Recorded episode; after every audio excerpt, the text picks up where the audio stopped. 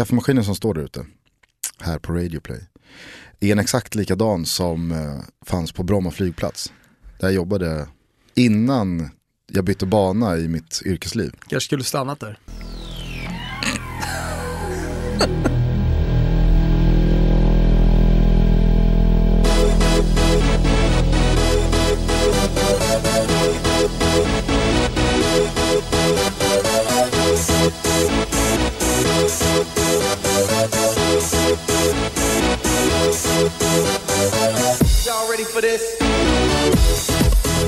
Varmt välkomna ska ni vara till Toto Baluttos 17 avsnitt. Jag heter Gusten Dahlin, mitt emot mig sitter Thomas Wilbacher och eh, mår hur då?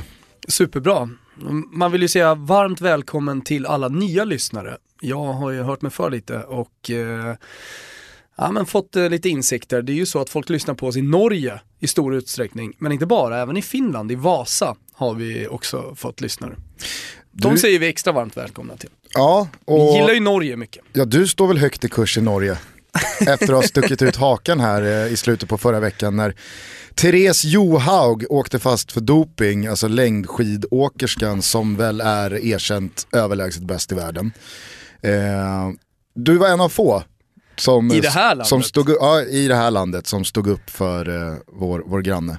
Ja, men det finns ju någonting jävligt eh, sorgligt med, med, med avundsjuka och med, med hela den här äh, anti-Norge-grejen i och med att de vinner hela tiden. Ja, då, då känns det ju som att det är jobbigt att kritisera, eller att hata norrmännen så som många svenskar gör när det gäller längdskidåkning i alla fall. Det är alltid Sverige mot Norge och i slutändan, oavsett hur bra Kalla går en säsong, så är ju Norge överlägsna. Och det har ju spekulerats då om doping under lång tid eh, och sådär. Men det är ju mycket spekulationer alltså. Och framförallt så är det ju en debatt som är jävligt onyanserad. Och det finns väldigt lite belägg för många ganska starka åsikter. Om man kollar på stora krönikörer som till exempel Kroneman. Jag såg att gamla Bladet-krönikören eh, Lasse Anrell eh, skriver för någon lokaltidning nu ute och svingade också. Men, men det finns väldigt lite belägg och därför stör det mig att man målar upp stora dopingkonspirationsteorier utan att kunna stödja det med fakta. Och därför tog jag lite Johaug i, i försvar i ett blogginlägg. Jag är ju fotbollskrönikör för er som inte känner mig sedan tidigare, på Expressen. Eh, och framförallt så handlar det ju om internationell fotboll. Och så, ja, som jag, som jag skrev, jag fick lite feeling där och kände att eh, det var, någon var tvungen att sätta ner foten från svenskt håll också vad det gäller Johaug. Och du har ju varit ute och svingat Gusten, eh, rent bokstavligen, för du har eh, befunnit dig på sydliga breddgrader. Mm, precis. Jag åkte och avslutade golfsäsongen nere i Skåne med min eh, gode vän Niklas. Körde två stopp också förbi Åtvidaberg. Aha. Jag måste säga att eh, Kopparvallen ligger ju oerhört vackert. Åtvidabergs hemmaarena. Jag har aldrig varit där förut, eh, men vi åkte förbi den på vägen till eh, golfbanan. Och det är en sån här eh, arena som verkligen påminner en om det gamla Sverige, den gamla fotbollen. Det var bättre förr. Jag personligen föredrar ju arenor som verkligen ligger insprängda i bostadsområden. Det får gärna vara... Mestalla har du ett eh, härligt exempel. Ja, eh, jag tyckte att eh, alltså, Råsunda låg ju väldigt, väldigt fint. Jag tycker att eh, det var någonting väldigt härligt med eh, Söderstadion också. De, den var ju mera insprängd i området där eh, än vad Tele2 är, för Tele2 är som ett litet rymdskepp i sig. Stadion är ju väldigt vacker, men den, den förtas ju lite av eh, de stora vägarna som går där, Lidingövägen, Vallalavägen. Gamla Ullevi tycker jag ligger betydligt trevligare än eh, Nya Ullevi som bara ligger några hundra meter bort. Det finns ju ganska många, Highbury var väl en av Alltså, de här Ullevi arenorna. var ju ett dåligt exempel. Hon ligger ju på samma ställe Nej, för att gamla Ullevi Jo, ligger lite trevligare. Ja, jo, jo, men om, om du ska dra verkligen liksom, tydliga exempel, det finns ju många i England, men, men det beror ju på att de gamla arenorna, en gång i tiden så byggde man ju dem in i stan. Nu för tiden så är ju marken alldeles för dyr eller Mm. man ska bygga bostadshus och allt, allt möjligt. Highbury var väl det här liksom, superexemplet på en arena som låg mitt bland kåkarna. Det, det är ju också samma exempel som med Råsundet. Där borde det vara bostäder. Kollar man på alla nya arenor som byggs så byggs de så kallat i externt läge. Den perfekta beskrivningen av hur en arena ska ligga är ju att man ska gå runt ett hörn Mm. och så ska den bara ligga där. Man har inte sett den någonting dittills. Och sen så svänger man bara runt ett hörn. Och så är man 30 meter från arenan. Sen gillar man ju när man Det kollar bör ju på alla arenor- arkitekter ta med sig. Ja, verkligen. Så gillar man ju när man, när man eh, ser någonting bortom arenorna. Faktiskt en anledning till att jag började gilla Fiorentina på tidigt 90-tal. Att man, man, man, man fick en liten glimt av vad som fanns bakom. I Fiorentinas fall så var det ju de här böljande gröna kullarna. Man såg eh, den lilla orten Fiesole där bakom kurvan och undrade vad, vad finns det där? Det fanns någon mystik i det. Och eh, ja, men just det här att man, man, man ser någonting jag tyckte det var utöver. gulligt sagt. Ja. Vad, vad finns det där? Ja, men, Du stod där och undrade.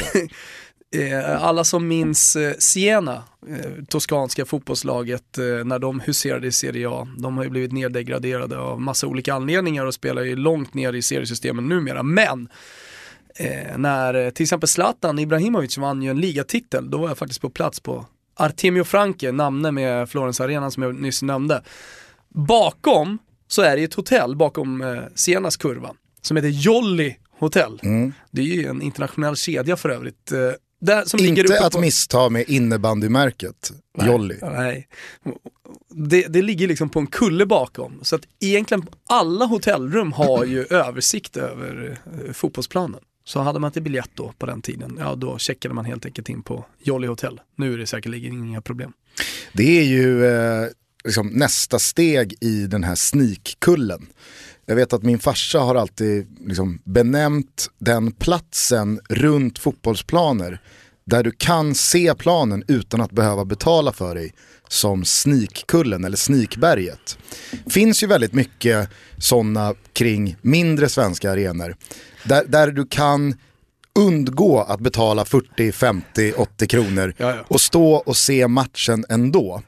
Jag vet att Millwalls eh, hemmaarena The Den har också en sån här kulle där du kan se matchen utan att betala för dig. Men där står alla avstängda supportrar.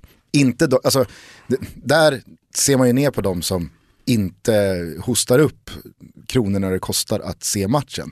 Men där står alla avstängda supportrar. Lite skillnad då på Grimsta IP där det fanns en sneakkulle. Det var inte massa avstängda supportrar som stod där utan det var ju bara snåljåparna Ja. som inte ville betala 80 kronor och gå in och titta nu på nämner BP. du ändå klubbar liksom hyfsat högt upp i seriesystemen. Eh, även på vallen, Salensvallen i Rönninge, fanns det ju de som stod. Ja, ja, herregud. På höjden Bollstanäs. IP när jag var tränare, det var ju sorgligt att se att det stod 15 pers ihop liksom och hade trevligt. Någon hade med sig kaffe och bullar och de stod och tittade på våran match i division 3 norra Svealand. Ja men betala 50 kronor så får ju vi en lax. Mm. Det hjälper ju någon. Flickor, eh, liksom nio får västar eller vi kan få nya bollar eller vad det nu är. Det är inget jättelans man vill dra. Det, det, det är inte hela världen. Nej men det, är, men det är intressant att, jag sa bara att Jolly Hotel är ju Sneakkullen 2.0. Mm. De har i alla fall fått betala för sig för att bo på hotellet. Men eftersom du har varit ute och spelat golf då, Gusten, så tänkte jag så här, jag drar ett litet Europasvep vad som har hänt. Om det är så att du, du har missat något. Vi sitter här på måndag morgon och eh, ja, men det, kan, det, det kan eh, finnas faktiskt en liten anledning att, att dra ett sånt här svep. För många av alla som lyssnar på den här podden är ju inte de som följer allt. Sen vet vi att vi har de lyssnarna också. Ni får väl helt enkelt hålla för öronen då i tre minuter, för det här är ganska brett. Eh, men eh, ska jag köra eller? Ja, absolut. Tre minuters Europasvep från de fem största li- ligorna. Och Fan, nu kom jag på vad jag skulle säga bara om en arena som är så jävla vacker. Ja men säg det då. Jag, jag, jag tänkte på det hela vägen tills jag började prata om Sneakkullen. Då kände jag hur jag fick puls och försvann i det och så tappade jag bort den. Just när du nämner de här vackra arenorna, när det finns någonting bakom. Nu för tiden så är det väl erkänt så att Stadsparksvallen, alltså Jönköping Södras arena, är Sveriges vackraste. De eh, var ju inte i Allsvenskan på nästan 50 år och då glömmer man ju bort lite arenor. Eh, Men nu när de kom upp så känns det som att alla bortasupportrar har kommit hem från J Södra borta och sagt fan Stadsparksvallen precis vid eh, Vätterns strand eh, är riktigt, riktigt vacker. Supervacker. Här kommer Europasvepet, tre minuter. Ja.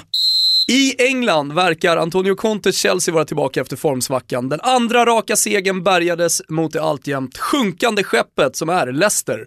Femman Matic eldar på, Eden Hazard är Eden Hazard igen och Diego Costa är sådär superjävlig som bara han kan vara och han är en ständig målskytt för Contes lag. Vi vet nu också definitivt att Svennis hade rätt om Theo Walcott, att Sunderland snart spelar i Championship och att smekmånaden, den är definitivt över för Pep Guardiola. Men allt detta står egentligen i skuggan av The North West Derby. Liverpool-Manchester United ikväll spelas den. Diego Costa toppar skytteligan framför Evertons Lukaku. John Evans har flest varningar, fem stycken. Kevin De Bruyne har samlat på sig fyra ast.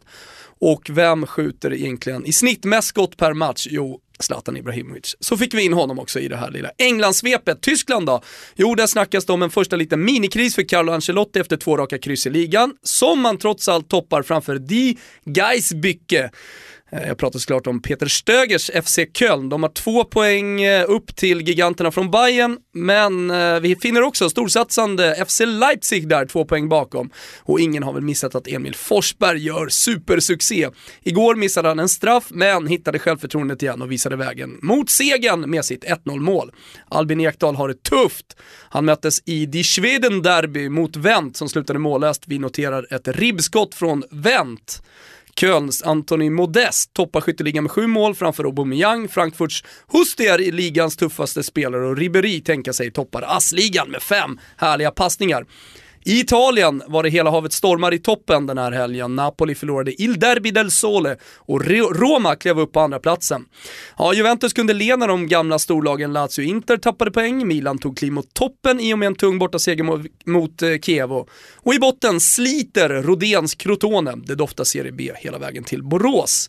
Dzeko har smält in sju baljor, med, med det är han bäst i ligan. Lorenzo De Silvestro, och Walter Birsa, Super Birsa, toppar ASS-ligan. Fulast av alla, det är Miguel Veloso ligans buse. I Spanien då? Ja jävlar vad det smällde i den spanska näten i helgen. Atletico de Madrid Barcelona, Real Madrid, Villarreal vann i ordningen 7-1, 4-0, 6-1, 5-0 och tänka sig, då stod trion Ronaldo, Messi, Griezmann för bara två av målen. Kanske jag vänder med dig Gusten, men ska man börja titta på nivåanpassning i den spanska ligan. Meguretti skadad, finns inte mycket svenskt att rapportera. Annars då? Jo, Atletic Club vann baskderbyt i en målrik historia. Prandelli är också tillbaka i toppfotbollen. Valencia-tränaren firade den spanska premiären med en seger. Griezmann och Suarez fortsatte liga skyttetopp. Enzo Perez slaktar flest motståndare iförd sin Valencia-tröja och Toni Kroos Eh, är, har i alla fall just nu ligans bästa passningsfot. Vi avslutar i Frankrike. Ja, Balotelli, han är ju ständigt på våra läppar nu för tiden, missade straff och blev mållös. Men hans Nice, eller kanske är det Lucien Favres Nice, ni vet mannen bakom Mönchengladbach-succén, i Bundesliga. Han, eh, eller Nice eh, toppar alltjämt Ligue 1, bakom jagar Monaco och Paris Saint-Germain två pinnar bakom. Svenskt då? Jo, Toivonen, han spelar inte en sekund, men hans Toulouse vann och hänger sig fast i toppen. Jimmy Durmas, han spelar också i Toulouse, han spelade och var riktigt bra från sin vänsterkant. Spelar vänster, på vänsterkanten i Toulouse. Cavani i majestätisk skytteligatopp på nio pytsar. Chekdokur, han har dragit på sig två gula och två röda och det gillas ju skarpt av Toto Balutto. Ligger på treas, ja det gör flera stycken. Det var allt från Europa. Pluspoäng till att du har skrivit ner hela manuset här och läser till. Det ja, kändes ju som att eh, jag satt eh, uppe en sen söndagkväll och hörde dig i eh, det gamla... Fotbollskanalen Europa. I gamla fotbollskanalen Europa. När du andades in och sen så släppte ut kaggen två och en halv minut senare. Ja. Efter Nej, men... Eh, ett målsvep. Ja men precis, eh, men det, det, är en förutsättning om man ska dra det lite så snabbt, att, att man har, har det framför sig. Är det någonting du fastnar vid eh, här?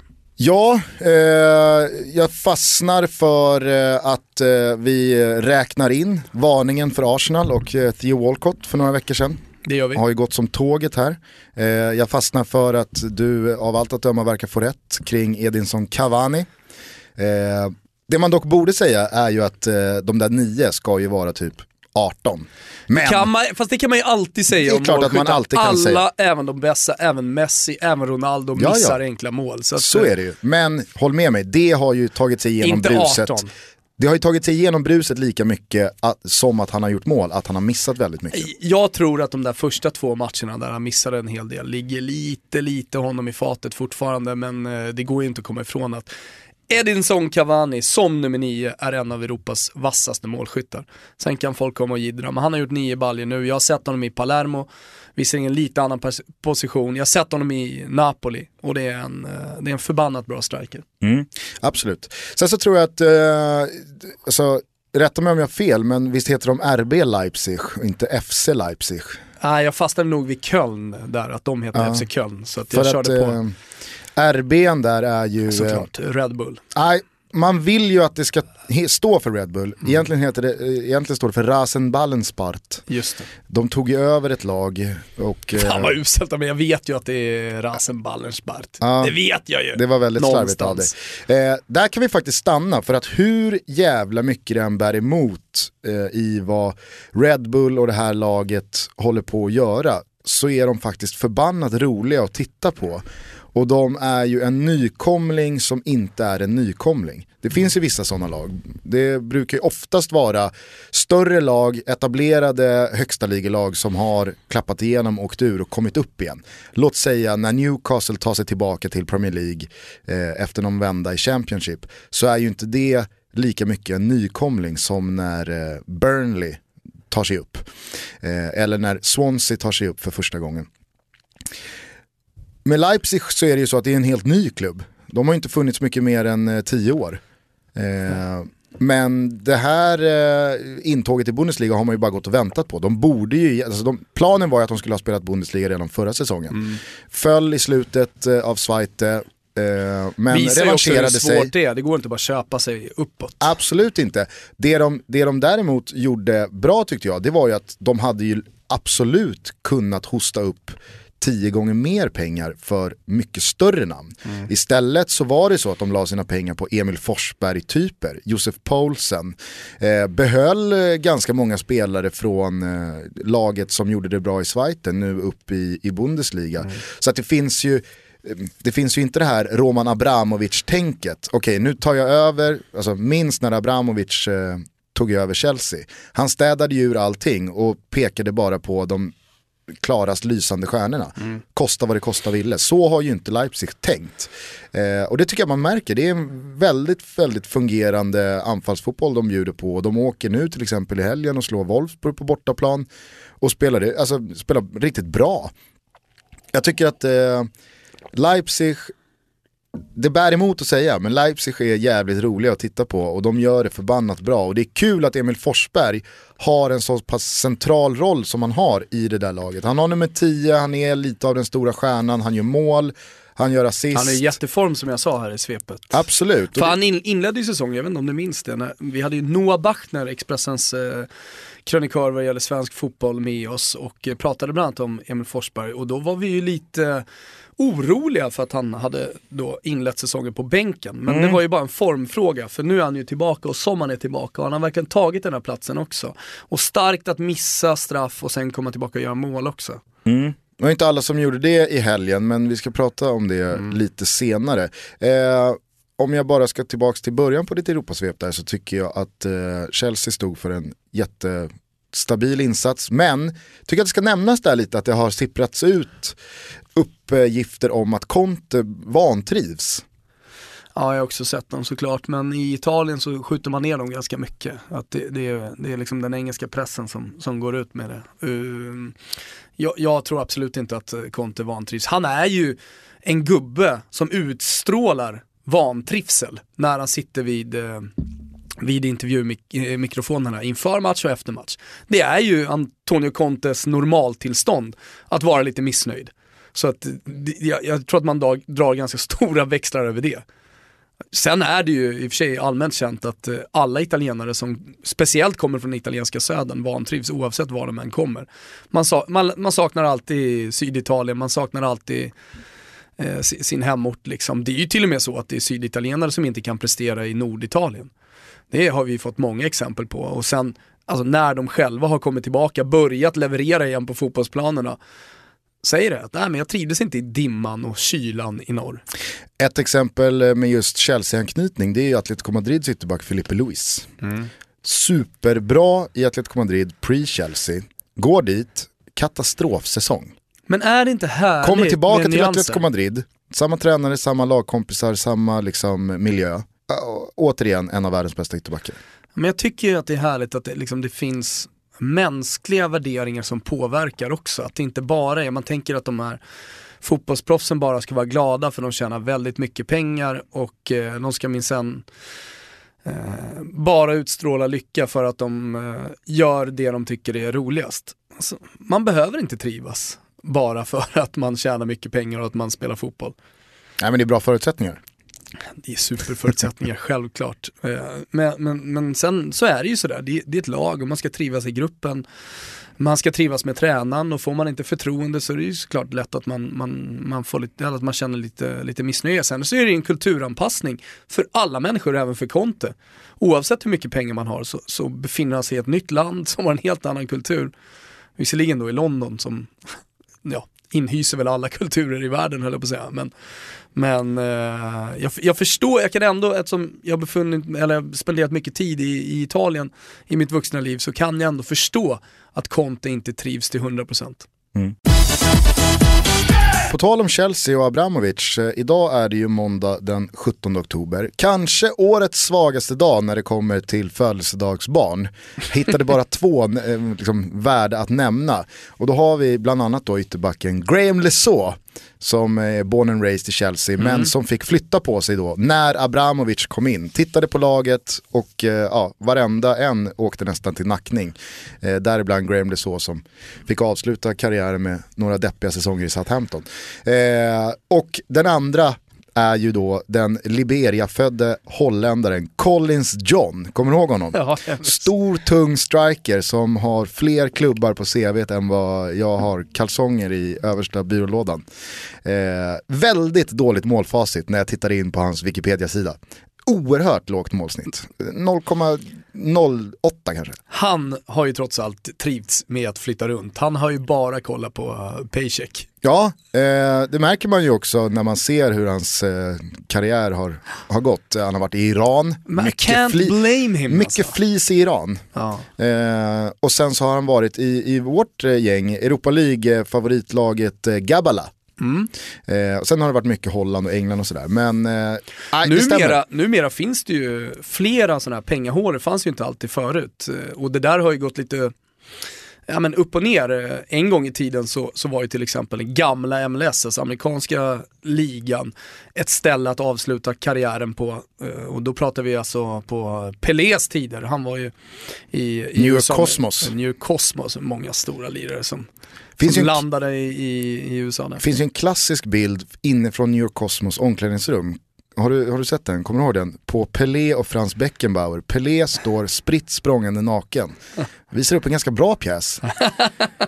och det är en väldigt avslappnad stämning. Och jag Ja. tror att Pelé är fullt medveten om att eh, här är det kameror. Men det är eh, inga problem. Nej, En annan tid.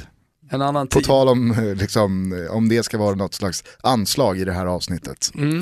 Eh, Nej men nu för tiden, jag skulle bara säga det, så finns det ju pengar att hämta lite här och var.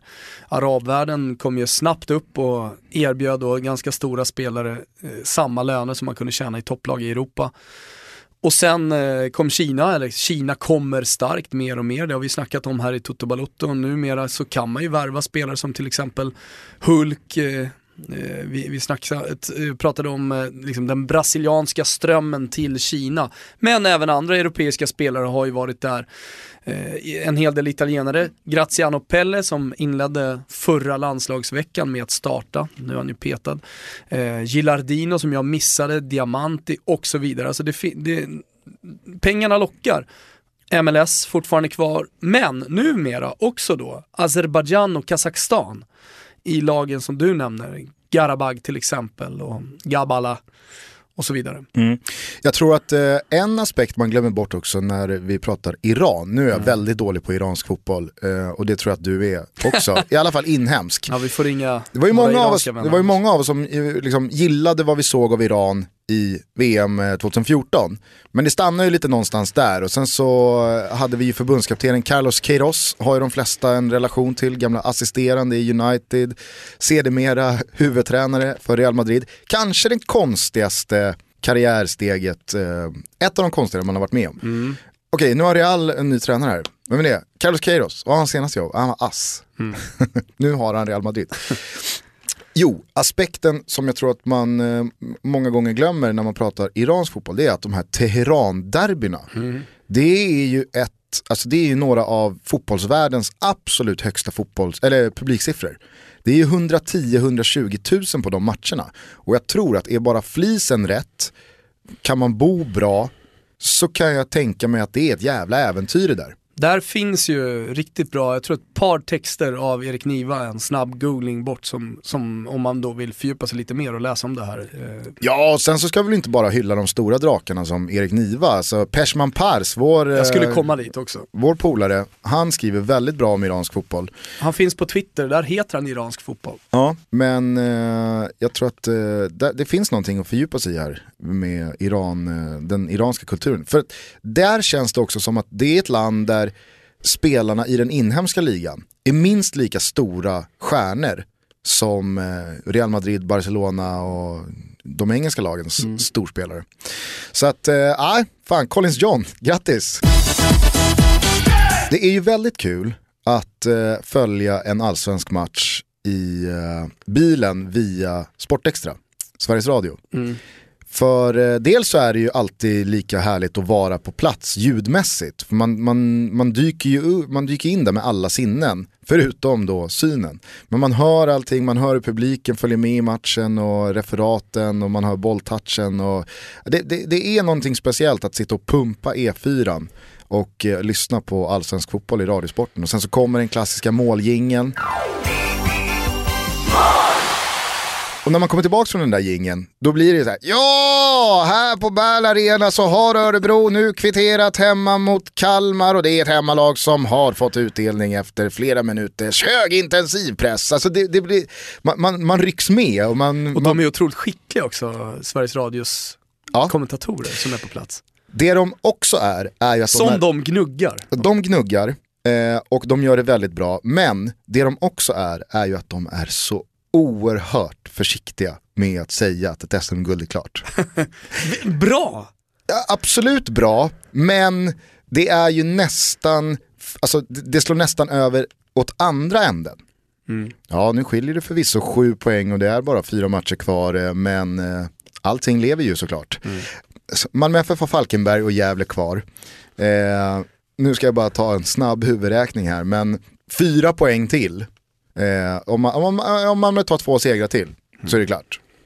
Eh, men det är väldigt roligt att höra då efter matchen intervjuerna som man gör på plats eh, i Norrköping. Och man, är, man, man tassar runt den här gröten. Det är ingen som vågar säga att Malmö FF tog SM-guld igår. Ja, vilket alla andra vet att de gjorde. Jo men du såg kanske i efterhand, eh, för det finns ju att tillgå på Twitter och allt möjligt, firandet från Malmö-supporterna i eh, Peking. Eh, nej, jag bara Ja, säger men det var ju efteråt. mer eller mindre guldfirande Okej, efteråt eller i samband med efteråt. slutsignalen eller 2-1 målet. För det, var ju, alltså det, var, det var ett väldigt skönt borta supporterbrak när Jeremejeff tryckte in 2-1. Ja. Alltså det vart den här ner mot plan, man såg nu är det SM-guld. Lavinen. Och det är det ju. Alltså sju poäng, man har väldigt lätt schema kvar. Ja. Det är klart att man kommer vinna. Ja. Och nu är inte ens Norrköping tvåa längre. Det har ju gått fort för AIK Mm. bakifrån. Så att, eh, alltså, jag slår i alla fall fast å Toto Baluttos vägnar Mm. och fan Sportextras vägnar också. Eh, att eh, Malmö tar SM-guld den här säsongen. Och man gör det ju väldigt imponerande måste jag säga. Jag tycker att det är så oerhört starkt av Malmö trots de bortfallen man har, trots skador, avstängningar, eh, att faktiskt åka och slå Norrköping. Nu eh, såg inte jag matchen utan jag lyssnade på matchen. Och av allt att döma så gjorde ju Peking en kanoninsats. Ja, Eh, och man kanske borde fått med sig både en och tre poäng. Men precis som den oerhört sympatiska Niklas Bärkroth sa i intervjun med Radiosporten efteråt, så handlar det i slutändan om att göra fler mål än motståndaren om man vill vinna med eh, om man vill ta tre poäng. Mm. Och då sa han att fasta situationer, också en del av det här spelet. Att sätta sina målchanser, precis lika mycket en del av spelet som att ha bollen och spela bra anfallsfotboll och så vidare. och Så vidare. Så att han sa det, det, det är bara att konstatera att vissa delar av den här matchen var Malmö bättre än oss på. Vi lyfter på hatten, grattis. Men Niklas, det är ju ändå bara sju poäng. ja, jo. ja, Falkenberg borta.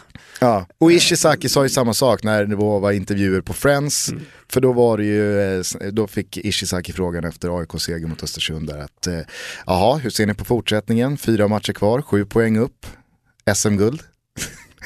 Eh, för, för Ishizaki var det som att få, det var som en ny fråga. Ja, ja. Jo, jo, det, det är väl klart att det finns ju någon teoretisk möjlighet men det är faktiskt ingenting jag tänker någon, ja. någonting på överhuvudtaget.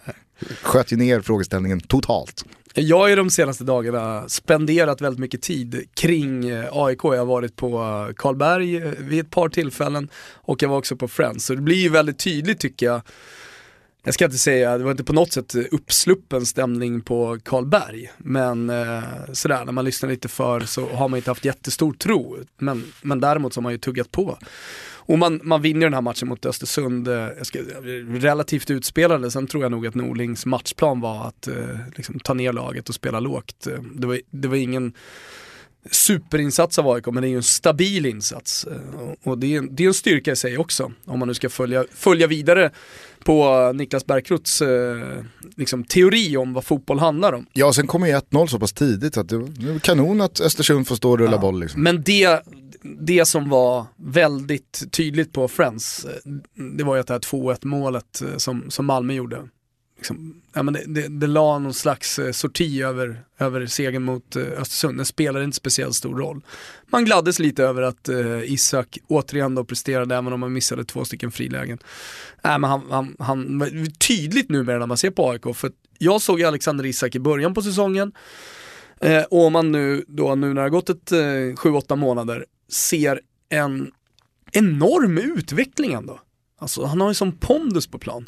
Och det är häftigt. Så att när man då summerar fyra, fem dagar som jag gör nu med, med, med liksom nära relation till AIK, så är det liksom Alexander Isak och nästa säsong som man blickar fram emot i och med att vi gav oss själva rätt här, eller vi hämtade hem lite Arsenal och Theo Walcott, så mm. ska vi ju ge utrikeskorrespondenten eh, liksom rätt också i John Chibuike.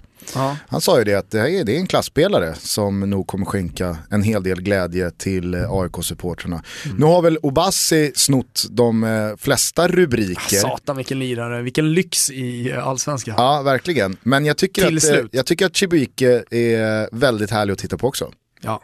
Innan vi stänger bara den allsvenska omgången så måste vi ju eh, bara beröra comebacken som skedde på Sveriges eh, vackraste arena, Stadsparksvallen i Jönköping när Paulinho hittade in igen innanför de kritade linjerna. Brassen i Häcken som alltså gjorde sitt nionde mål på sitt tionde framträdande den här säsongen. Han har ju varit oerhört mycket skadad. Mm. Eh, han skreks ju ut som den stora, stora favoriten till eh, skytteligasegern efter att ha gått väldigt starkt i Svenska Kuppens utslagsmatcher i våras innan allsvenskan drog igång. Eh, han hade väl absolut Kjartansson och Rosenberg framför sig oddsmässigt men eh, Utöver det, Kujovic var väl med där också, men det, det, det, det kändes, alltså alla visste ju att Kujovic skulle försvinna under sommaren, så att, mm. Eh, det, det, var aldrig riktigt nära. Eh, Kjartansson leder fortfarande på 14 gjorda mål, men i och med att han försvann till Israel så kan ju inte han göra några fler kassar.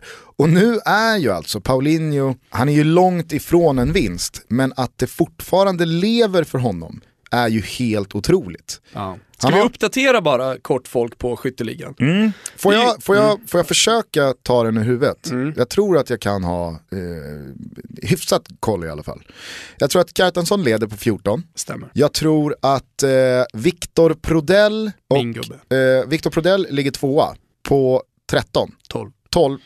Eh, bakom honom så måste vi ha Ovoeri och Sebastian Andersson. Stämmer. På samma antal. Yes, 11 jag tror också att vi hittar eh, Pavel Sibitski på 10 gjorda.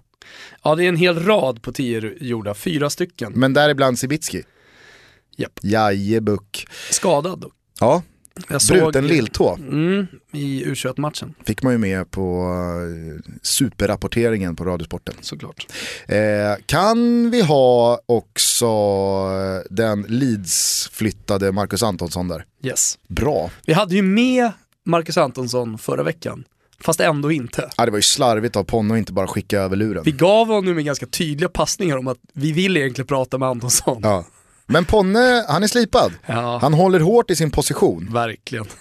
Så att, eh, det var ju lite tråkigt för oss, men bra gjort av Ponne. Mm. Det tar för lång tid här när du sitter och gissar. Ja, nej, men eh, kör. Ja, Hussein Israelsson och sen så. Tot- Totte Nyman som också har lämnat då och så eh, Paulinho på nio som Mm. du nämnde. Så att det är ändå fem baljor upp till Kjartansson för Paulinho men det kan gå fort i ett offensivt tecken. Skulle det bli så att Paulinho av eh, allt att döma löser det här, Mm. då ska jag bjuda dig på en riktig skiva. För då trillar det in ett riktigt bra långtidsspelare i Casa Dalin. Själv sitter man ju bara på en femhunka på Prodell så att eh, det får bli en, en, en eh, lillsväng eh, till Stureplan. Vad för är, det, vad är det Marcus Birro brukar kalla lillpartyt på Kina-krogarna? Ja, det är V12 va? En V12. en V12 på närmsta kines. Exakt. Ja. Det, får, Vårrullar och bärs. Sex, sex vårrullar och sex bärs. det får väl bli det då om Prodell vinner. Men hämtar Paulinho upp Saknar där? vi inte Birro ändå? Det är klart man gör det. Vi hade ju en podcast för er som inte känner till tidigare om italiensk fotboll tillsammans med Marcus Birro. Vi hade jävla trevligt tillsammans. Verkligen. Shoutouts till uh, Birro. Du, eh, med det så tycker jag att vi gratulerar Malmö återigen då till eh, det klara SM-guldet. Men så, så stänger vi allsvenska omgången över det och skiftar fokus. Får jag bara påminna om en sak där? På tal om att eh, hämta hem. Mm. Eftersom jag har då Malmö-supportrarna lite emot mig efter jag kallade Marcus Rosenberg för en idiot när han drog en armbåge i femte minuten förra säsongsavslutningen där mot Norrköping. Eh, och det har jag ätit upp och bett om ursäkt för. Men jag sa faktiskt inför den här säsongen att Malmö kommer vinna enkelt. Nu har det inte varit kanske så lätt, men i slutändan så verkar det ändå bli några poängs skillnad ner då. På tal om långtidsspel, det slår mig nu, vår gode vän Kristoffer Svanemar som har gästat oss. Eh, han sitter ju på ett långtidsspel, en kombinerad dubbel. Att Malmö FF ska vinna allsvenskan med 10 poäng eller mer och att Kjartansson ska vinna skytteligan. Det lever ju, men det är en skör jävla tråd. ja det är det. Ja, vi får hålla ögonen där. Nu tycker jag att vi skiftar fokus från Kjartansson och andra målskyttar i Sverige till en tidigare skytteligavinnare i Italien. Vi tajmade ju vårat oms alltså vårt omslag på vårt senaste avsnitt. Både bra men också väldigt dåligt. Vi var ju ett avsnitt för tidiga med att ha bilden på Inters lagkapten och eh, liksom primo punta Mauro Icardi och hans självbiografi. Eh, för att det har ju liksom dragit upp till inte bara storm utan det är orkan. Orkanen Mauro. Det, det är egentligen helt sanslöst vad det har blossat upp. Eh, det är väl bara Italien det kan göra det också. För de som inte har någon aning om vad det är som har hänt, ska du köra en snabb recap? Ja men det kan vi göra. Allting bottnar ju då i den här självbiografin som eh, Mauro Icardi har skrivit. Och framförallt då en sida. Han beskriver eh, en... eh, Innan du, eh, innan du återger den här sidan, vad heter Inters, är det ordförande eh, som har kört ett, en, en, en, eh, en lång utläggning om det här. Där han bara landar i, han skakar på huvudet och säger bara, för det första så förstår jag faktiskt inte hur en 23-åring kan släppa en självbiografi. han vill bara understryka det innan han fortsätter med hur fel det var. Ja, sportchefen Ausilio är det ju som har uttalat sig. Eh, så han är på vår sida. Toto Balutto-gubben Ausilio. Äh, men vad är det som har hänt? Jo, men han beskriver då en, eh, en förlustmatch när han fick kurvan lite emot sig. Många inte fans minns där för ett par år sedan. Eh, det var innan eh, Mauro Icardi verkligen liksom blev eh, en, en storspelare i, i Inter. Han är ju en jättetalang, men han har hamnat lite i blåsväder. Och här tycker jag ändå att det finns anledning att ta upp historien för de som inte känner till det med Vandanara. Ska vi ta den lite kort då? Och det, det är många som lyssnar på det här som, som vet vad som har hänt, men Superkort så är det så här. före detta kompisen, också fotbollsspelare, ni vet vem det är, Maxi Lopez, en gång Barcelona spelade i Catania. Han eh, la av att blondera sitt hår lite för sent. Eh, och sen så var han ju aldrig med när det blossade upp här igen som något coolt för några månader Nej. sedan. Utan han hamnade helt snett med blonderingen. Mm. God vän då med Icardi. I september för några år sedan så ser man då en bild sippra ut på nätet med Bergesio, Maxi Lopez och Icardi. Bergesio och Maxi Lopez har med sig sina två fruar. Icardi är ensam singel på jotten utanför Sicilien. Två månader senare så visar det sig att Icardi och Vandanara har haft ett förhållande, vilket gör den där bilden ännu starkare. Och... Eh, ja, hon, tre... hon har kört i fel fil. Hon har kört i fel fil. Och han har kört i fel fil också.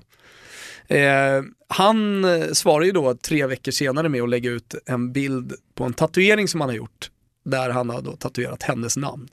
Stort på underarmen.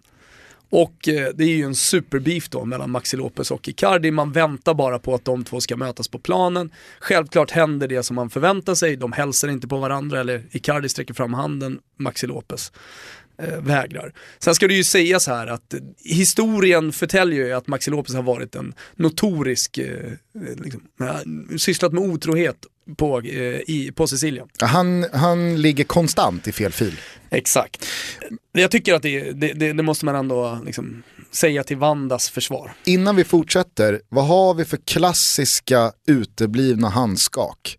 Vi har ju John Terry och Wayne Bridge. När John Terry då hade legat med Wayne Bridge fru och de möttes, Manchester City och Chelsea. Och Wayne Bridge vägrar hälsa på John Terry. Landslagskompisar eh, ska vi ha med oss.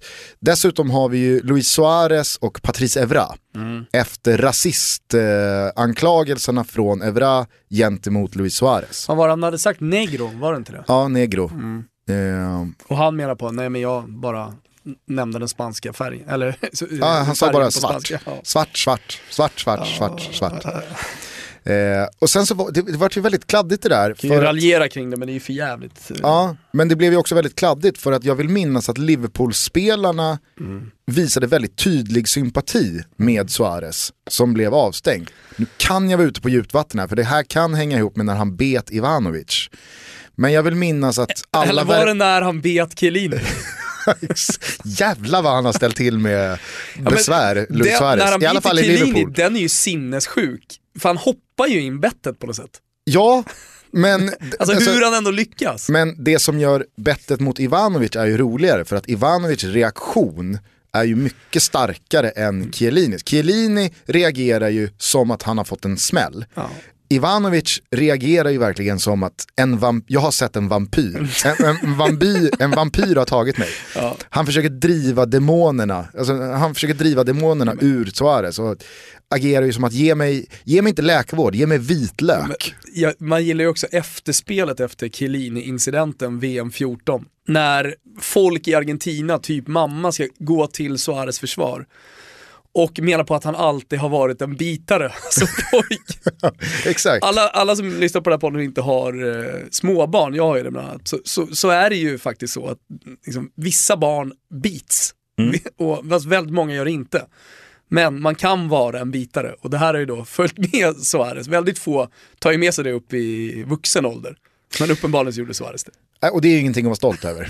man kan inte förklara bort det med att ja, men han har alltid varit en bitare. Man eh, kan ju också tänka sig en handskakning som man inte har sett, det här har inte filmats, men som är utebliven den mellan Ryan Giggs och brorsan. Ja, det var nog ingen high five på nästa julafton. Eh, rätta mig om jag har fel här med Liverpool-spelarna, för de, jag vill minnas att de alla värmde upp i någon sån här eh, liksom, Justice for Suarez-tröja. Men det kan alltså ha varit i eh, något annat sammanhang. Skicka in det i hashtaggen Totobalutto, precis som ni gör med då andra uteblivna handskak. Uppmärksammade incidenter när spelare som har en personlig liksom, icke-relation till varandra har skitit till hälsa på varandra. Också i hashtaggen, så får vi den att glöda och leva. Mm. Fortsätt nu. Ja, varför nämner jag det här med Maxi Lopez? Jo, att han har varit eh, liksom en rubrikernas man de senaste åren i Cardi.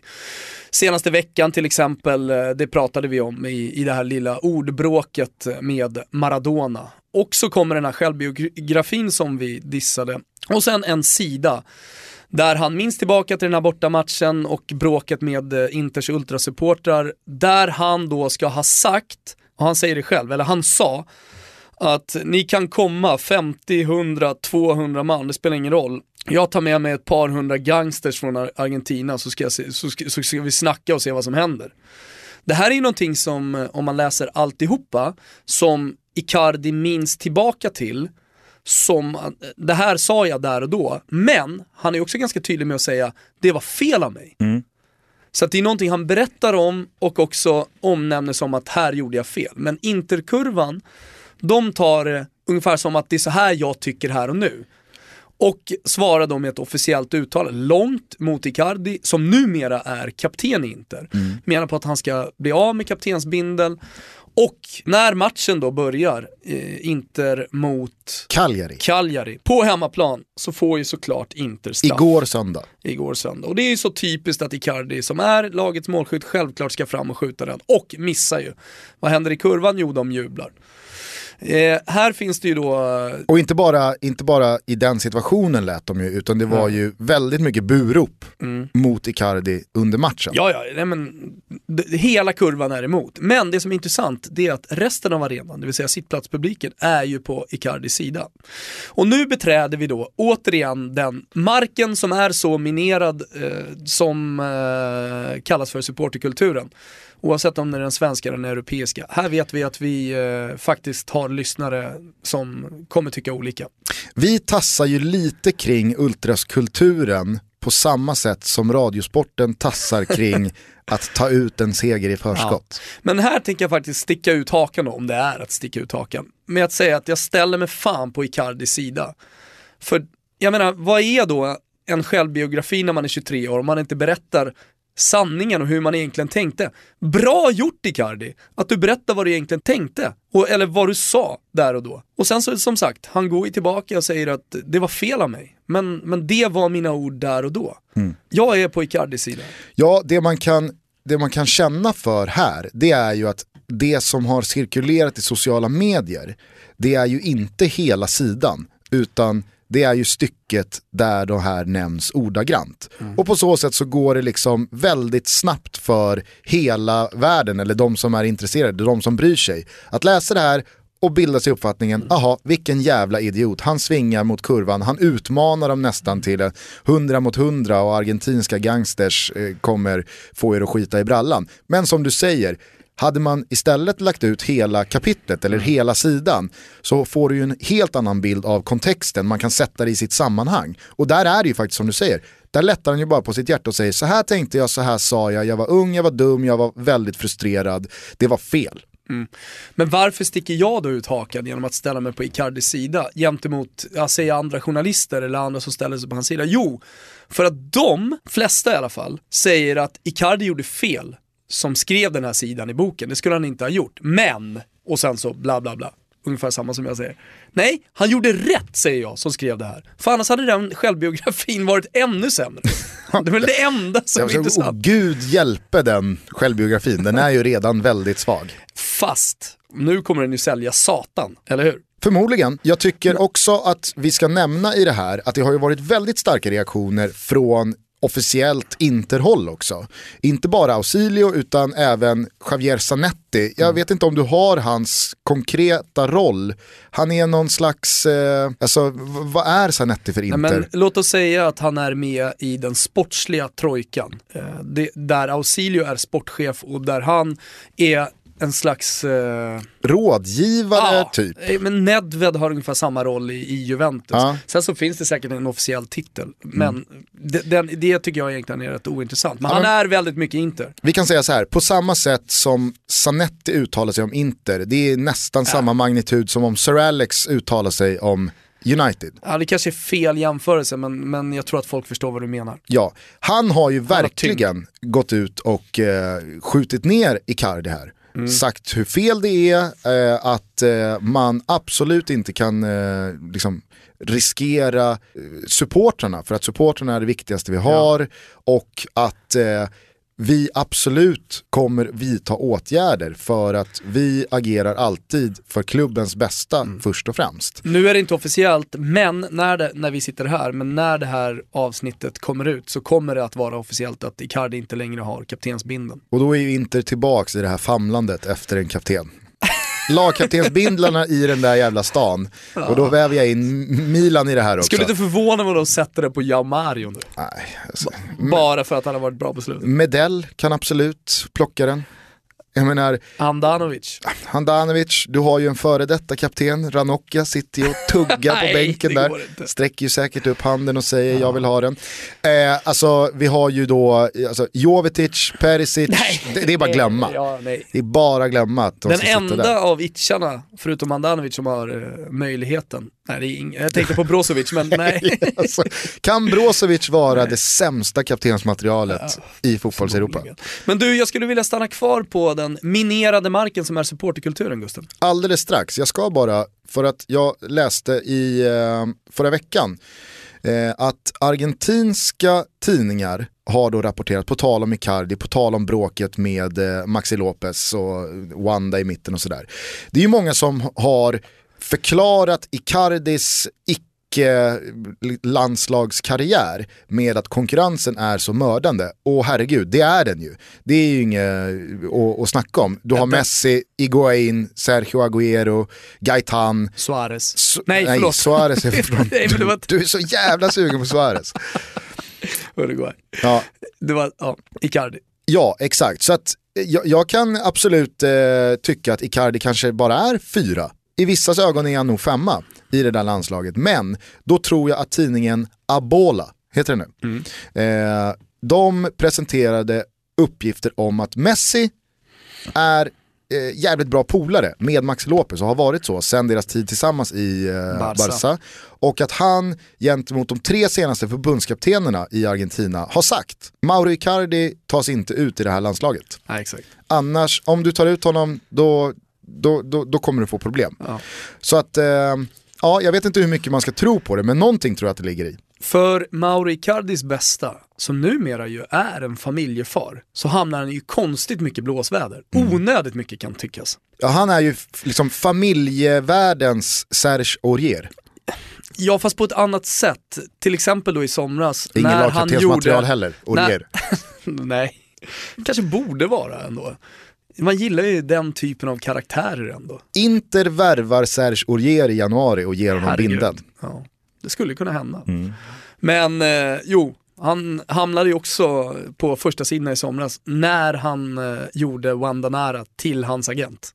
Ja, det, Och, och hon uttalar sig numera som agent nej, det är så onödigt kring, alltså. kring Icardi. Så fruktansvärt. Nyligen påskrivet eh, färskt kontrakt, kontrakt med Inter. Ja, onödigt eh, av Icardi, det är det enda jag kan tycka. Det blir väldigt intressant att se vart det här Även om det är slutar. medvetet eller omedvetet. finns ju någonting eh, tragikomiskt också i att eh, Mauro Icardis officiella uttalande kring det här och ord gentemot supporterna kommer via Instagram. Det är, det är så 2016 det bara kan bli. Ja. Vart tror du det här slutar bara, kort? Jag vet ju också att fotbollssupportrar, oavsett hur illa det verkar, är snabba att vinna tillbaka. Gör man tio raka mål så börjar saker och ting förlåtas. Sen så finns det ju också så, eh, alltså det, det ska ju nämnas i sammanhanget, att fotbollssupportrar är ju också väldigt bra på att aldrig glömma. Absolut. I vissa fall. Absolut. Vissa domare, spelare, lag, de, de är verkligen döda för vissa supportrar. Men den andra intressanta, låt oss säga då, detaljen, även om det är en detalj, det är ju att eh, Milano numera är delat. Och det är också en situation att följa här framöver. För att, mm, jag menar delade, som man säger i Italien, torg, piazzor, har ju funnits eh, tidigare. Alltså, jag pratar om den mellan ståplats och sittplats, kurva och eh, tribuna-supportrar. Där, där finns det ju numera ett litet case att följa också i Inter. För som jag sa, så är ju sittplats med Icardi medan kurvan är emot. Kanske blir Icardi och hans avslut i Inter om 15 år precis som Maldinis. Vi får se. Han, till skillnad från Maldini, flörtar ju med supporterna. Det gör han också i det här Instagram-meddelandet. Han menar på att när jag springer och firar ett mål, de första jag tänker på det är er. Det är till er jag vill, det är ni som har omfamnat mig. Det är från er passionen kommer. Så talade ju inte riktigt Paolo Maldini. Nej, Så att det, det, det, man, man ska akta sig för att jämföra situationer. Men jag vill fortsätta på den eh, minerade marken som är supporterkulturen i Gusten och se vad du tycker kring det här. Det spelas en match på Borås Arena Eh, där eh, Helsingborg gästade och de spelar ju ödesmatcher hela tiden nu eftersom de är på väg att åka ur, eller i alla fall få kvala. Och det blev 1-0 till Elfsborg. Då, efter matchen, så krävde delar av bortasektionen, eller kanske hela bortasektionen, Henrik Larssons avgång. Det skanderades i alla fall. Och då undrar jag med dig Gusten, vad tycker du om, om det? För det första så måste jag säga att det alltid, och det, det slår aldrig fel, det finns en väldigt speciell faktor i när klubbars legendarer och hjältar tar på sig tränarkostymen. För då sätter man saker och ting på spel. Ja. Alan Shearer körde ner Newcastle i Championship. Eh, det, det, det finns Blev liksom... inte mycket av den tränarkarriären. Nej, men det finns ju väldigt många exempel på det här. Montella, han ställde sig på Romas tränarbänk väldigt tidigt i sin karriär. Nu står Zidane på Real Madrids det, det, det, det, blir ju liksom så att man måste då omprövas. Visst kommer smekmånaden vara längre för eh, Pep Guardiola i Barcelona eller eh, Luis Enrique i Barcelona. Men det blir också till slut så att kommer inte resultaten och börjar det gå åt helvete, börjar det verkligen barka hela vägen bort, då, då kan man inte tro att man fortfarande ska ha supportrarnas otvivelaktiga kärlek bara för att man uträttade stordåd under många år som spelare i samma klubb. Och det är det som håller på att hända här nu. Jag, jag läste Olof Lund om, om Henrik Larsson eh, för några dagar sedan, väldigt vettigt och bra. Eh, grattis förresten i efterskott säger vi väl till Olof Lund som bastade 50 här i helgen. Mm, tack för inbjudan till festen. Nej, den relationen har vi inte. Nej, man. verkligen inte. alltså det, det, det, ska till 5000 pers på den, det partyt för att det ska landa. Hölls ju på Rish, såklart. Ja, det är klart. Hemma hos Lund. Mm. Eh, nej men eh, det är väl klart att det, det finns ju mycket som pekar på att Helsingborg borde ha agerat tidigare. Nu är man ju i den här klassiska situationen som många allsvenska lag har befunnit sig i. Ska vi göra någonting nu för att få effekt inför kvalet? För att nu kommer det bli kval på sant liksom, anti-radiosporten-maner så slår vi fast här att nu efter förlusten igår mot Elfsborg så kommer ju Helsingborg få kvala. Om nu inte Gävle skulle tugga upp sex poäng underifrån. Mm. Eh, men jag tror nog att eh, Helsingborg gör bäst i att behålla Henke. Inte bara för den sportsliga aspekten utan även för att skulle nu Henke lösa ett allsvenskt kontrakt via ett kval då har man någonstans räddat det som räddas kan. Som alltid måste man titta på vad är det för alternativ, vad finns det för alternativ? Och där ser inte jag riktigt, dels har inte Helsingborg råd. Men uttrycket från bortasektionen och supporterna står jag ju helt bakom. Om de känner att nej, det är dags att kliva av nu Henke. Fast de har ju fel här. Det är inte dags, eller det, det, det, finns, inte, det finns inget alternativ. Här, tycker jag, som det, är bättre. Jag håller med dig där. Jag tycker att Henke Larsson ska fortsätta ja, och rädda kvar dem. Men man måste ju kunna nyansera det så mycket att man landar i den lite märkliga slutsatsen, det är inte fel men det är heller inte genomtänkt. Nej jag tycker inte det. Jag, du tycker att det är fel? Ja. Okay. Nej, men jag, jag väljer nu att beträda den här minerade marken genom att verkligen ta ställning. Och så får vi se vad folk tycker. Kanske kommer hata mig efter det. Men det, det är ju direkt fel. Måste ju också som fotbollssupporter kunna vara ja, men lite objektiv och se till klubbens bästa. Här tycker jag att Inter-supportrarna gör fel, jag tycker att Helsingborg-supportrarna gör fel. De Sam skapar bara en situation som är onödig. Samtidigt så är ju här, den här marken minerad just för att det finns så många olika delar av det att väga in. Och du alltså, och jag, alla får ju göra vad de vill. Såklart, jag menar bara att du, man, kanske, man kanske i det här ska ta i beaktning att du och jag lever och bor i Stockholm. Vi håller men inte ja. på Helsingborg. De här men det är också en grund. Jo men det kanske finns, det kanske finns fler lager i Helsingborg-supportrarna vända kappa mot Henke Larsson som inte du och jag har en aning om. Absolut. Så att eh, som sagt, i förlängningen så tycker jag inte att det är helt genomtänkt för att jag tycker att Helsingborg gör bäst i att behålla Henke. Men jag kan absolut inte säga att det är fel av supporterna att skrika på hans avgång när det har gått som det har gått. De har vunnit två matcher sedan EM. Alltså det är riktigt jävla pissigt. De har haft ödesmatcher Alltså nu lyckades ju Tom, Tommy Naurin ta järnvägen på tilläggstid. Eh, så att de slog eh, Sundsvall hemma där. Mm. Annars hade det ju varit ännu mer kört nu. Eh, men eh, det är ju bara för dåligt och visst de har haft mycket jobbiga skador. Mm. Men det går inte att skylla på över en så här lång tid. Nu är det dags för schnitzel och gulasch Gusten. Kul! Ja, eller hur? Och eh, vi går rätt på Schnitzeln, och schnitzeln för alla som inte känner till, det är ju någonting bra då som har hänt i helgen. Och gulaschen går till någonting som jag tycker, ja men borde få en slev gulasch rätt i nyllet. Svensk skolmatsgulasch. Ja, jag gillar ju, för att stanna på ämnet supportrar, jag gillar ju när man är kreativa. Minns en gång eh, ett eh, fisktifo i Curva Fiesole gentemot Genoa supportrar. Man menar på att eh, laget då från Liguriens kust luktar fisk och så höll man upp några tusen pappfiskar som man hade skapat innan. Kreativt kan man ju tycka. Ja, det är kul. Ja. Nu då i matchen mellan Charlton och Coventry så...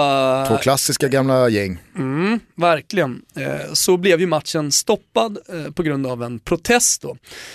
Ja, det är Charlton-supportrarna då som är missnöjda med Roland Duchale, Duchatelet, utom han så. klubbens ägare i alla fall. Roland, eller Roland. eller Roland. Eh, de, de är missnöjda och tycker att eh, nej men, fotbollen, jag tror att generellt sett handlar det väl om att fotbollen numera styrs av ett gäng grisar. Eh, Så man har ett gristifo, alltså man kastar in eh, grisar på planen, små grisar, vilket gör att eh, matchen får, får stoppas. Inte levande väl? Nej, det hade ju varit starkt. Det hade varit kreativt. Ja, det, ja, men det här är också kreativt tycker jag. Det ser ju ut att vara sådana här grisar som man spelar gris med. Som då Okej. kan landa nacke. Ja, kasta och gris. Ja, kasta gris, ja, precis. Pig Invasion i alla fall. På The Valley tror jag Charltons hemmaarena heter. Mm, Inte speciellt vacker. Nej. Och det här finns ju då att eh, hitta under hashtaggen Toto Balutto. För där kommer den filmen att finnas. Jag gillar kreativa supportrar. Precis då som man såg Dynamo Dresdens eh, supportrar dra upp ett tifo där man hade en flagga av Jesus bland annat i mitten. Där Jesus efter ett tag blir, ja, men han går från Kristus till eh, Thug Life. Han får någon mask på sig. Jag vet inte riktigt, eh, alltså symboliken bakom är väl ganska tydlig. Men jag vet inte om det finns något förspel och något efterspel kring det här, men, men jag gillar ändå kreativiteten. Att ha en flagga och sen så avmaskera Jesus, som egentligen är en gangster. Det är ju andra gången i Toto Balutos det. historia vi eh, nämner Dynamo Dresdens supportrars kreativitet. Eh, första, det var ju när man kastade in ett eh, oxhuvud, tjurhuvud, som nästan hade puls. Vet du vad... Ruskigt levande. Ja, verkligen. Vet du vad Dynamo Dresdens, eh, eller inte Dynamo Dresden utan staden Dresdens eh, stadskaka är, den som man äter. Nej. Den heter, den heter den ryska kakan. Jag har sådana hemma, jag ska ta med mig till dig när vi ses nästa gång. Det är de äckligaste kakorna jag någonsin har ätit. Mm, kul. De kan man äta när man kommer till Dresden. Det här var ju en schnitzel, Mm. men eh, det finns också en liten minischnitzel som jag vet att du vill dela ut till Pep Guardiola. Det är ju så. Och eh, det här blir ju också egentligen gulaschen då till alla som skapar, låt oss säga, sanningar av saker och ting som man bara har fått för sig, som egentligen inte är en sanning.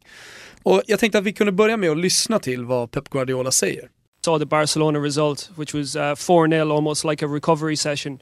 Um, how difficult is it to prepare for matches uh, like the Barcelona one uh, with the intensity of the games here uh, in the Premier League compared to what they face uh, in La Liga? I, I hear a lot of times about that intensity in the Premier League when nobody of you have been in the Liga on the Bundesliga to know how is the intensity. So here the problem maybe is there more games, but the way they play in Germany, for example, is is amazing. And I think uh, you have to, have respect for the other leagues about how they play and the way they play. So, of course, Barcelona is special in the way they play because it's a machine. They are three amazing players in front. Like they use amazing the counter attack and they have a good build up. So they are a good a good team. So where they win four 0 is because they deserve to win four 0 But I think every league has his specific points, but especially is the quality of the players. So to make the difference, why in Spain the last six, seven, eight, nine years win or, arrive in all the finals, semi-finals in the European competitions, it's because they play good. It's because they are good players, and uh, I think that is the reason why. No, no one else. Of course, here there are more games to play and in that way, but I think the intensity in in, in, Italy and other places it's, it's quite the same. För det första, det man slås av här när man hör Pep Guardiola, det är att han låter som en eh, enolog på en vingård när han eh, om man, om man glömmer orden, bara sättet han pratar engelska på, så eh, liksom, har man varit i Cava-distrikten utanför Barcelona eller i Chianti-området i Toscana, var man nu har varit på vingårdar, så låter han ju precis som en eh, sydeuropeisk enolog. Jag slås ju av att han pratar alltså, tio gånger bättre engelska än Arsène Wenger. Som har varit i England i drygt 20 år. Sen har ju alla förutsättningar. Eh, Pep Guardiola verkar ju faktiskt vara lite av en eh, språkbegåvning. Ja. Han lärde sig tyska snabbt till exempel och han har gjort en men han har förstått vikten också av att uh, prata språket väldigt, väldigt bra. Och i, här... andra, i, andra, änden av uh, boxningsringen här så står ju Arsène Wenger som fransman och vi vet ju hur mm. motsträviga de är, frassarna, på liksom, ge det till ett annat språk. Fast vet du vem som står längst, längst bort här? Det är ju Matsari. Ska vi lyssna lite på hur Matsari kan prata engelska? Watfords tränare Walter Matsari alltså. här ger han sig på engelska. I choose this club because I like as it's run and it's close to my football idea. I don't like talking too much about what we will do. Actions speak louder than words, and I try to instill this also into my players. I came here with Napoli to play against Manchester City and Chelsea in Champions League, and the atmosphere is fantastic. I'm improving my English, and there are no problems for training. In press interview, I will be helped by a translator, so that I am giving full respect to every question. My work with Napoli, Inter, and other club in Italy has been a big challenge. Now I want to bring the best for Watford. See you at Vicarage Road. Thank you very much. Jo men slevar Gulas då, kanske inte speciellt sådär mycket till just personer utan bara generellt sett eh, kring alla generaliseringar nu i, i fotbollsvärlden en gång i tiden så var det säkert så att det var mer sparka, spring och kanske lite högre intensitet i den engelska ligan. Men nu med eh, utländska tränare i toppklubbarna i England Eh, för all del utländska tränare även i, i andra delar av Europa så känns det inte som att man kan generalisera sådär kring, kring ligorna. Och det är inte, som Pep Guardiola säger, vi måste lyssna på det. Det är inte högre intensitet i Premier League än vad det är i, i liksom andra ligor. Nej, framförallt så är ju eh, det bara löjligt att säga att det är så, så jag, jag, tycker att Guardiola är inne på det också så här, att ja, men, okay, det kanske är fler matcher här, men spanska ligan är 38 omgångar, Premier League är 38 omgångar man, okay, man spelar förvisso både FA-cupen och ligacupen, men vi vet ju alla som följer engelsk fotboll något sånär att storlagen, de toppar ju inte direkt startelvorna ligacupen. Det här är också ett nytt fenomen. För, för, för, bara några år sedan så spelade man med bästa laget i alla matcher. Men nu, med lite utländska influenser, snackas ju mycket om rotationer, så är man eh, betydligt mer sval, svalt inställd till just ligacupen och FA-cupen. Ja men jämför man då bara rakt av med Spanien så har ju de lika många ligaomgångar, man spelar Copa del Rey i Spanien, dessutom gör man det i dubbelmöten. I England så är det ju mer, eh, alltså där blir det ju bara ett returmöte ifall det slutar oavgjort. Eh, spanska lag har ju dessutom fler lag i de europeiska kupperna än vad England har. Där är det ju nästan regel på att man har fyra lag i Champions League och man har två eller tre lag i Europa League. England får ju slita att eh, ens ha, få ihop fyra lag på de här två kupperna tillsammans.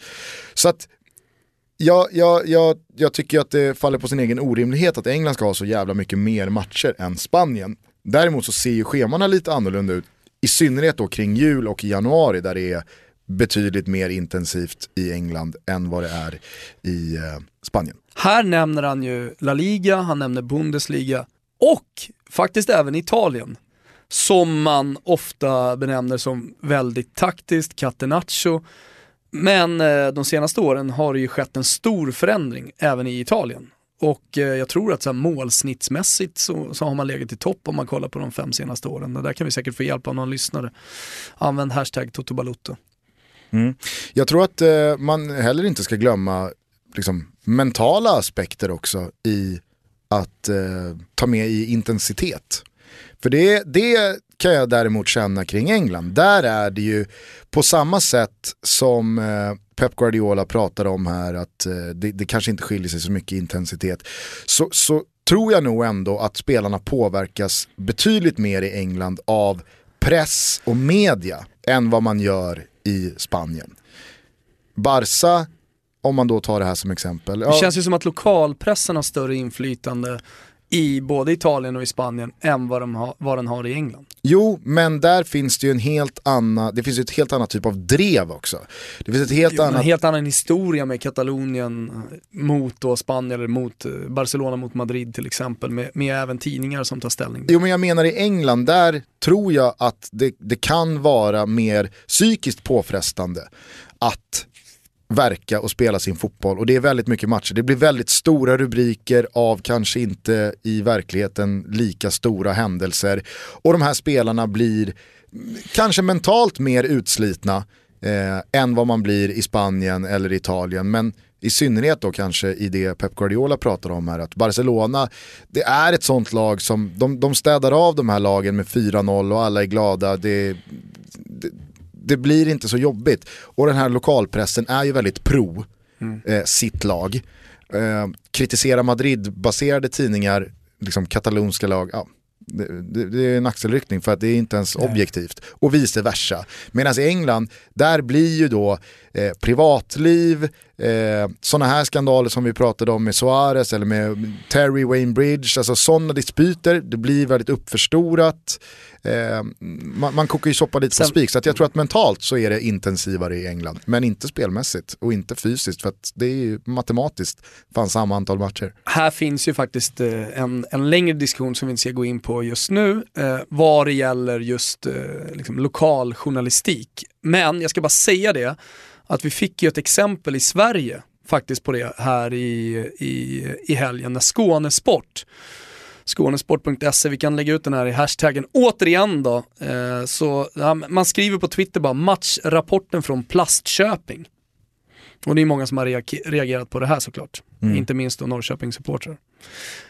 Det finns även i Sverige. Ja, så är det ju. Eh, och det eh, återspeglar sig väl lite i det vi pratade om förra veckan. Mm. I det här med att man, man, måste kunna tänka steget längre. Det är jävligt lätt att sitta nere i Skåne jag menar bara jag som var nere nu i helgen och spelade på golfbanor i Skåne. Det är helt irrelevant att du Nej. har varit i Skåne för du har inte varit fotbollsmässigt i Skåne Gustav. Du Nej, har spelat golf. men det finns ju en väldigt tydlig skillnad i klimat. Golfbanorna i Skåne är helt annorlunda mot golfbanorna i Stockholm i mitten, alltså, slutet på oktober. Det säger ju exakt samma sak. Alltså, ja, det är en golfreferens men det anspelar ju exakt samma strängar här. Nej, det, ja, det, det är helt irrelevant. Ja, men det är, som att, det är som att en, det är som att en barnskötare i Skåne ska sitta och pissa på en barnskötare för en golfbana i Sundsvall. Det är ju för fan, det, det, är, det är ointelligent. Var det i helgen du eh, myggade av dig själv som fotbollsexpert när du drog till, till Skåne? Nej det tycker jag, inte, tycker jag inte alls. Ja, och hur du inte kan förstå den här liknelsen och jämförelsen, det är ju det är också ointelligent. jag tycker bara att eh, de här golfreferenserna börjar bli en för mycket. Eh, Gulasch alltså till eh, sanningar som eh, inte är sanningar. Exakt. Så kan man gärna få använda hashtaggen Toto för fler eh, sanningar som inte är sanningar. Eh, ska vi runda av eller? Mm. Hör du, eh, kommer du ihåg att eh, Toto Balottos gubbe är Emil Fritzell? En av våra gubbar. Absolut. Jag har följt honom i helgen. Ja, Eskilstuna Citys eh, bomber Emil Fritzell. Han skickade in sitt 32 mål för säsongen när eh, division 2 södra Svealand avslutades. Och blev i och med det Eskilstunas meste målskytt över en säsong genom tiderna. Oerhört spännande ska det bli att följa Erik Frit eller Emil Fritzells framtid här. Mm. Eh, vi kanske ska pusha honom eh, genom våra agentkontakter. Du har ju hjälpt ett par gubbar genom åren. Jag ja. med. Ja. Jag satte ju Andres Thorleifsson eh, från eh, BK Vargarna Norrtälje i division 3 till eh, Falkenberg i allsvenskan. Jag har hållit på att sätta några gubbar som nu eh, gör succé på andra håll så kanske det var tur att de inte satt i, i italienska lite lägre klubbar. Det får vi ta i framtiden, det tar vi inte nu. Hörrni, eh, tablån är ju eh, fullmatad av supermatcher. Börjar redan ikväll, Stockholmsderby, Djurgården-Bayern eh, har vi inte snackat någonting om idag, men det finns säkert anledningar att eh, diskutera de två lagen längre fram. Eh, det är ju tabellmässigt ett ganska så ointressant derby. Det som är eh, väldigt intressant det är ju dock att se ifall Djurgården tar sista chansen den här säsongen att faktiskt vinna ett derby. Mm. Det är ju det som präglar den här stan när Djurgården ska upp i derbyfighter numera. Sen som, som sagt Liverpool mot Manchester United och sen så följer vi upp det med Champions League-omgångar deluxe finns ju ett par härliga möten. Bland annat eh, Leicester mot FC Köpenhamn som är på väg att eh, ja, jogga in i eh, vårens slutspel. Mm, med tre svenskar som huvudpersoner. Hörni, fortsätt mejla till oss, eh. Vi svarar såklart, på, såklart på allt. Tack till alla som har varit så engagerade i hashtaggen här senaste veckan. Inte minst då den här eh, målgesthysterin. Det är ju fantastiskt med sexuella undertoner. Vi har ju fått in från flera håll den här, eh, eh vad ska vi kalla det för, kukbitar målgesten. Mm. Ja, den är väldigt speciell. Mm. Olivier Giroud fanns ju med där också när han mm. agerar speciellt. Verkligen. Eh, fortsätt att vara med oss. Tack till alla som lyssnar. Framförallt då tack till alla våra lyssnare på andra sidan gränsen. Både Finland och i Norge. Mm, fan jag tänkte på det när vi pratade om Norge där och Johaug och doping. Min sympati landar ju hos dem som då borde ha vunnit om inte de här idrottarna eller lagen hade fuskat. Och så landar jag lite i det här att man blir rånad på upplevelsen att få vinna, känslan att få vinna. Ta till exempel Juventus ligatitlar i Italien som Zlatan var med och vann, som senare fråntogs och väl tilldelades Inter. Minerad mark. Mm. Men det som inte är minerat det är ju i alla fall konstatera att eh, Juventus var ju det enda laget, det var de enda människorna och personerna, oavsett om det var spelare eller supportrar, som fick uppleva lyckoruset vid en slutsignal och vid en serieseger. Ja. Sen så blir de fråntagna den och den kanske ges till någon annan, men det gör ju inte att man får uppleva allt vad det innebär att vinna en liga. Jag tänker ju när du berättar det här om Joag och när vi pratar om det, om alla de här skidåkarna som kanske skulle ha fått vinna och kanske skulle fått den där eh, euforiska dagen känslan av att allt slit var värt. Istället så får man det två och ett halvt år senare via ett mail. Det finns ju ett väldigt starkt exempel som man tänker tillbaka på och det är ju Per Elofsson som försöker hänga med Johan Müllig och gå in i den klassiska väggen. Hade inte Müllig varit där dopad så hade han liksom lagt upp sitt lopp eh, annorlunda. Han var i sitt livsform. Men försökte hänga på då en eh, ja, men superdopad häst alltså, som bara e- öste. Epon bara sprutade ah, ut ur näsan. Satan alltså. Myleg gick inte in i någon vägg den dagen. Nej, nej, nej, och där var det ingen läppbalsam, alltså där var det rätt in i blodet bara. Ja, nej, men eh, vad fan, sympati till alla eh, skidåkerskor där ute som inte fick vinna de där dagarna när Johaug äh, fuskade äh, till sig Hon segrarna. har ju inte fuskat. vad snackar du om? Eller det återstår väl att se om hon har gjort det eller inte. Ja. Ja. Jag tycker också att vi ska tacka alla våra fantastiska lyssnare som eh, sätter sig vid tangentbordet och knackar ihop mail till oss. Det eh, sa jag precis. Ja, nej, men, eh, det, har, det är fantastiskt kul att läsa allas eh, åsikter och inspel. Fortsätt gärna göra det, jag försöker svara på så många mail som jag bara kan. Eh, får väl se ifall 2016 hinner bli 2017 innan du väljer att svara på något mail. Mm. Och sen så har vi då ett nytt segment här med Europasvepet. Är det någonting vi ska fortsätta med? Hör av er, hashtag Toto Kanske så ska vi slipa lite på det och ändra lite på det. Men det, jag tycker att det finns en plats där. Ladda nu ner Radio Plays app Kanske slår ni igång eh, svensk pop eller varför inte Mix Megapol. Där finns det supermusik. Rockklassiker. Rockklassiker. Ja, men ska vi inte göra så att vi rullar igång en gammal rockklassiker-dängare? White Snakes, eh, Here I Go Again får eh, rivstarta den här veckan och avsluta det 17 avsnittet av Toto Balutto. Kram på er från eh, oss två. Mm. Ciao Tutti. I sure know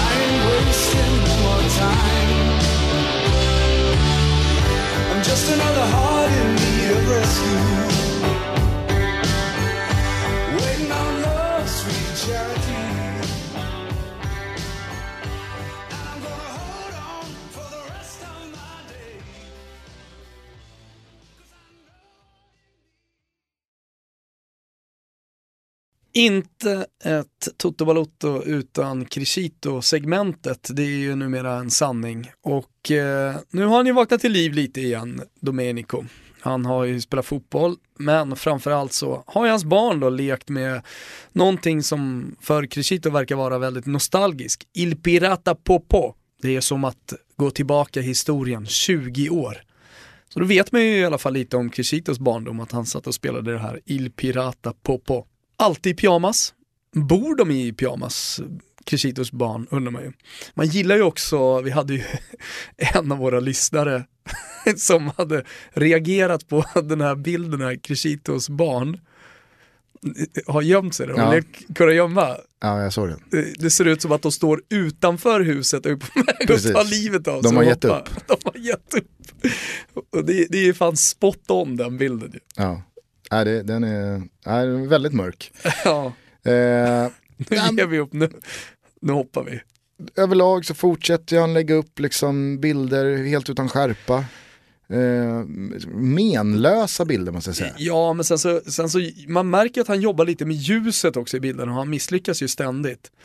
När man går in och bara ser det här collaget så kastas man ju ändå tillbaka till den här bilden med Montolivo.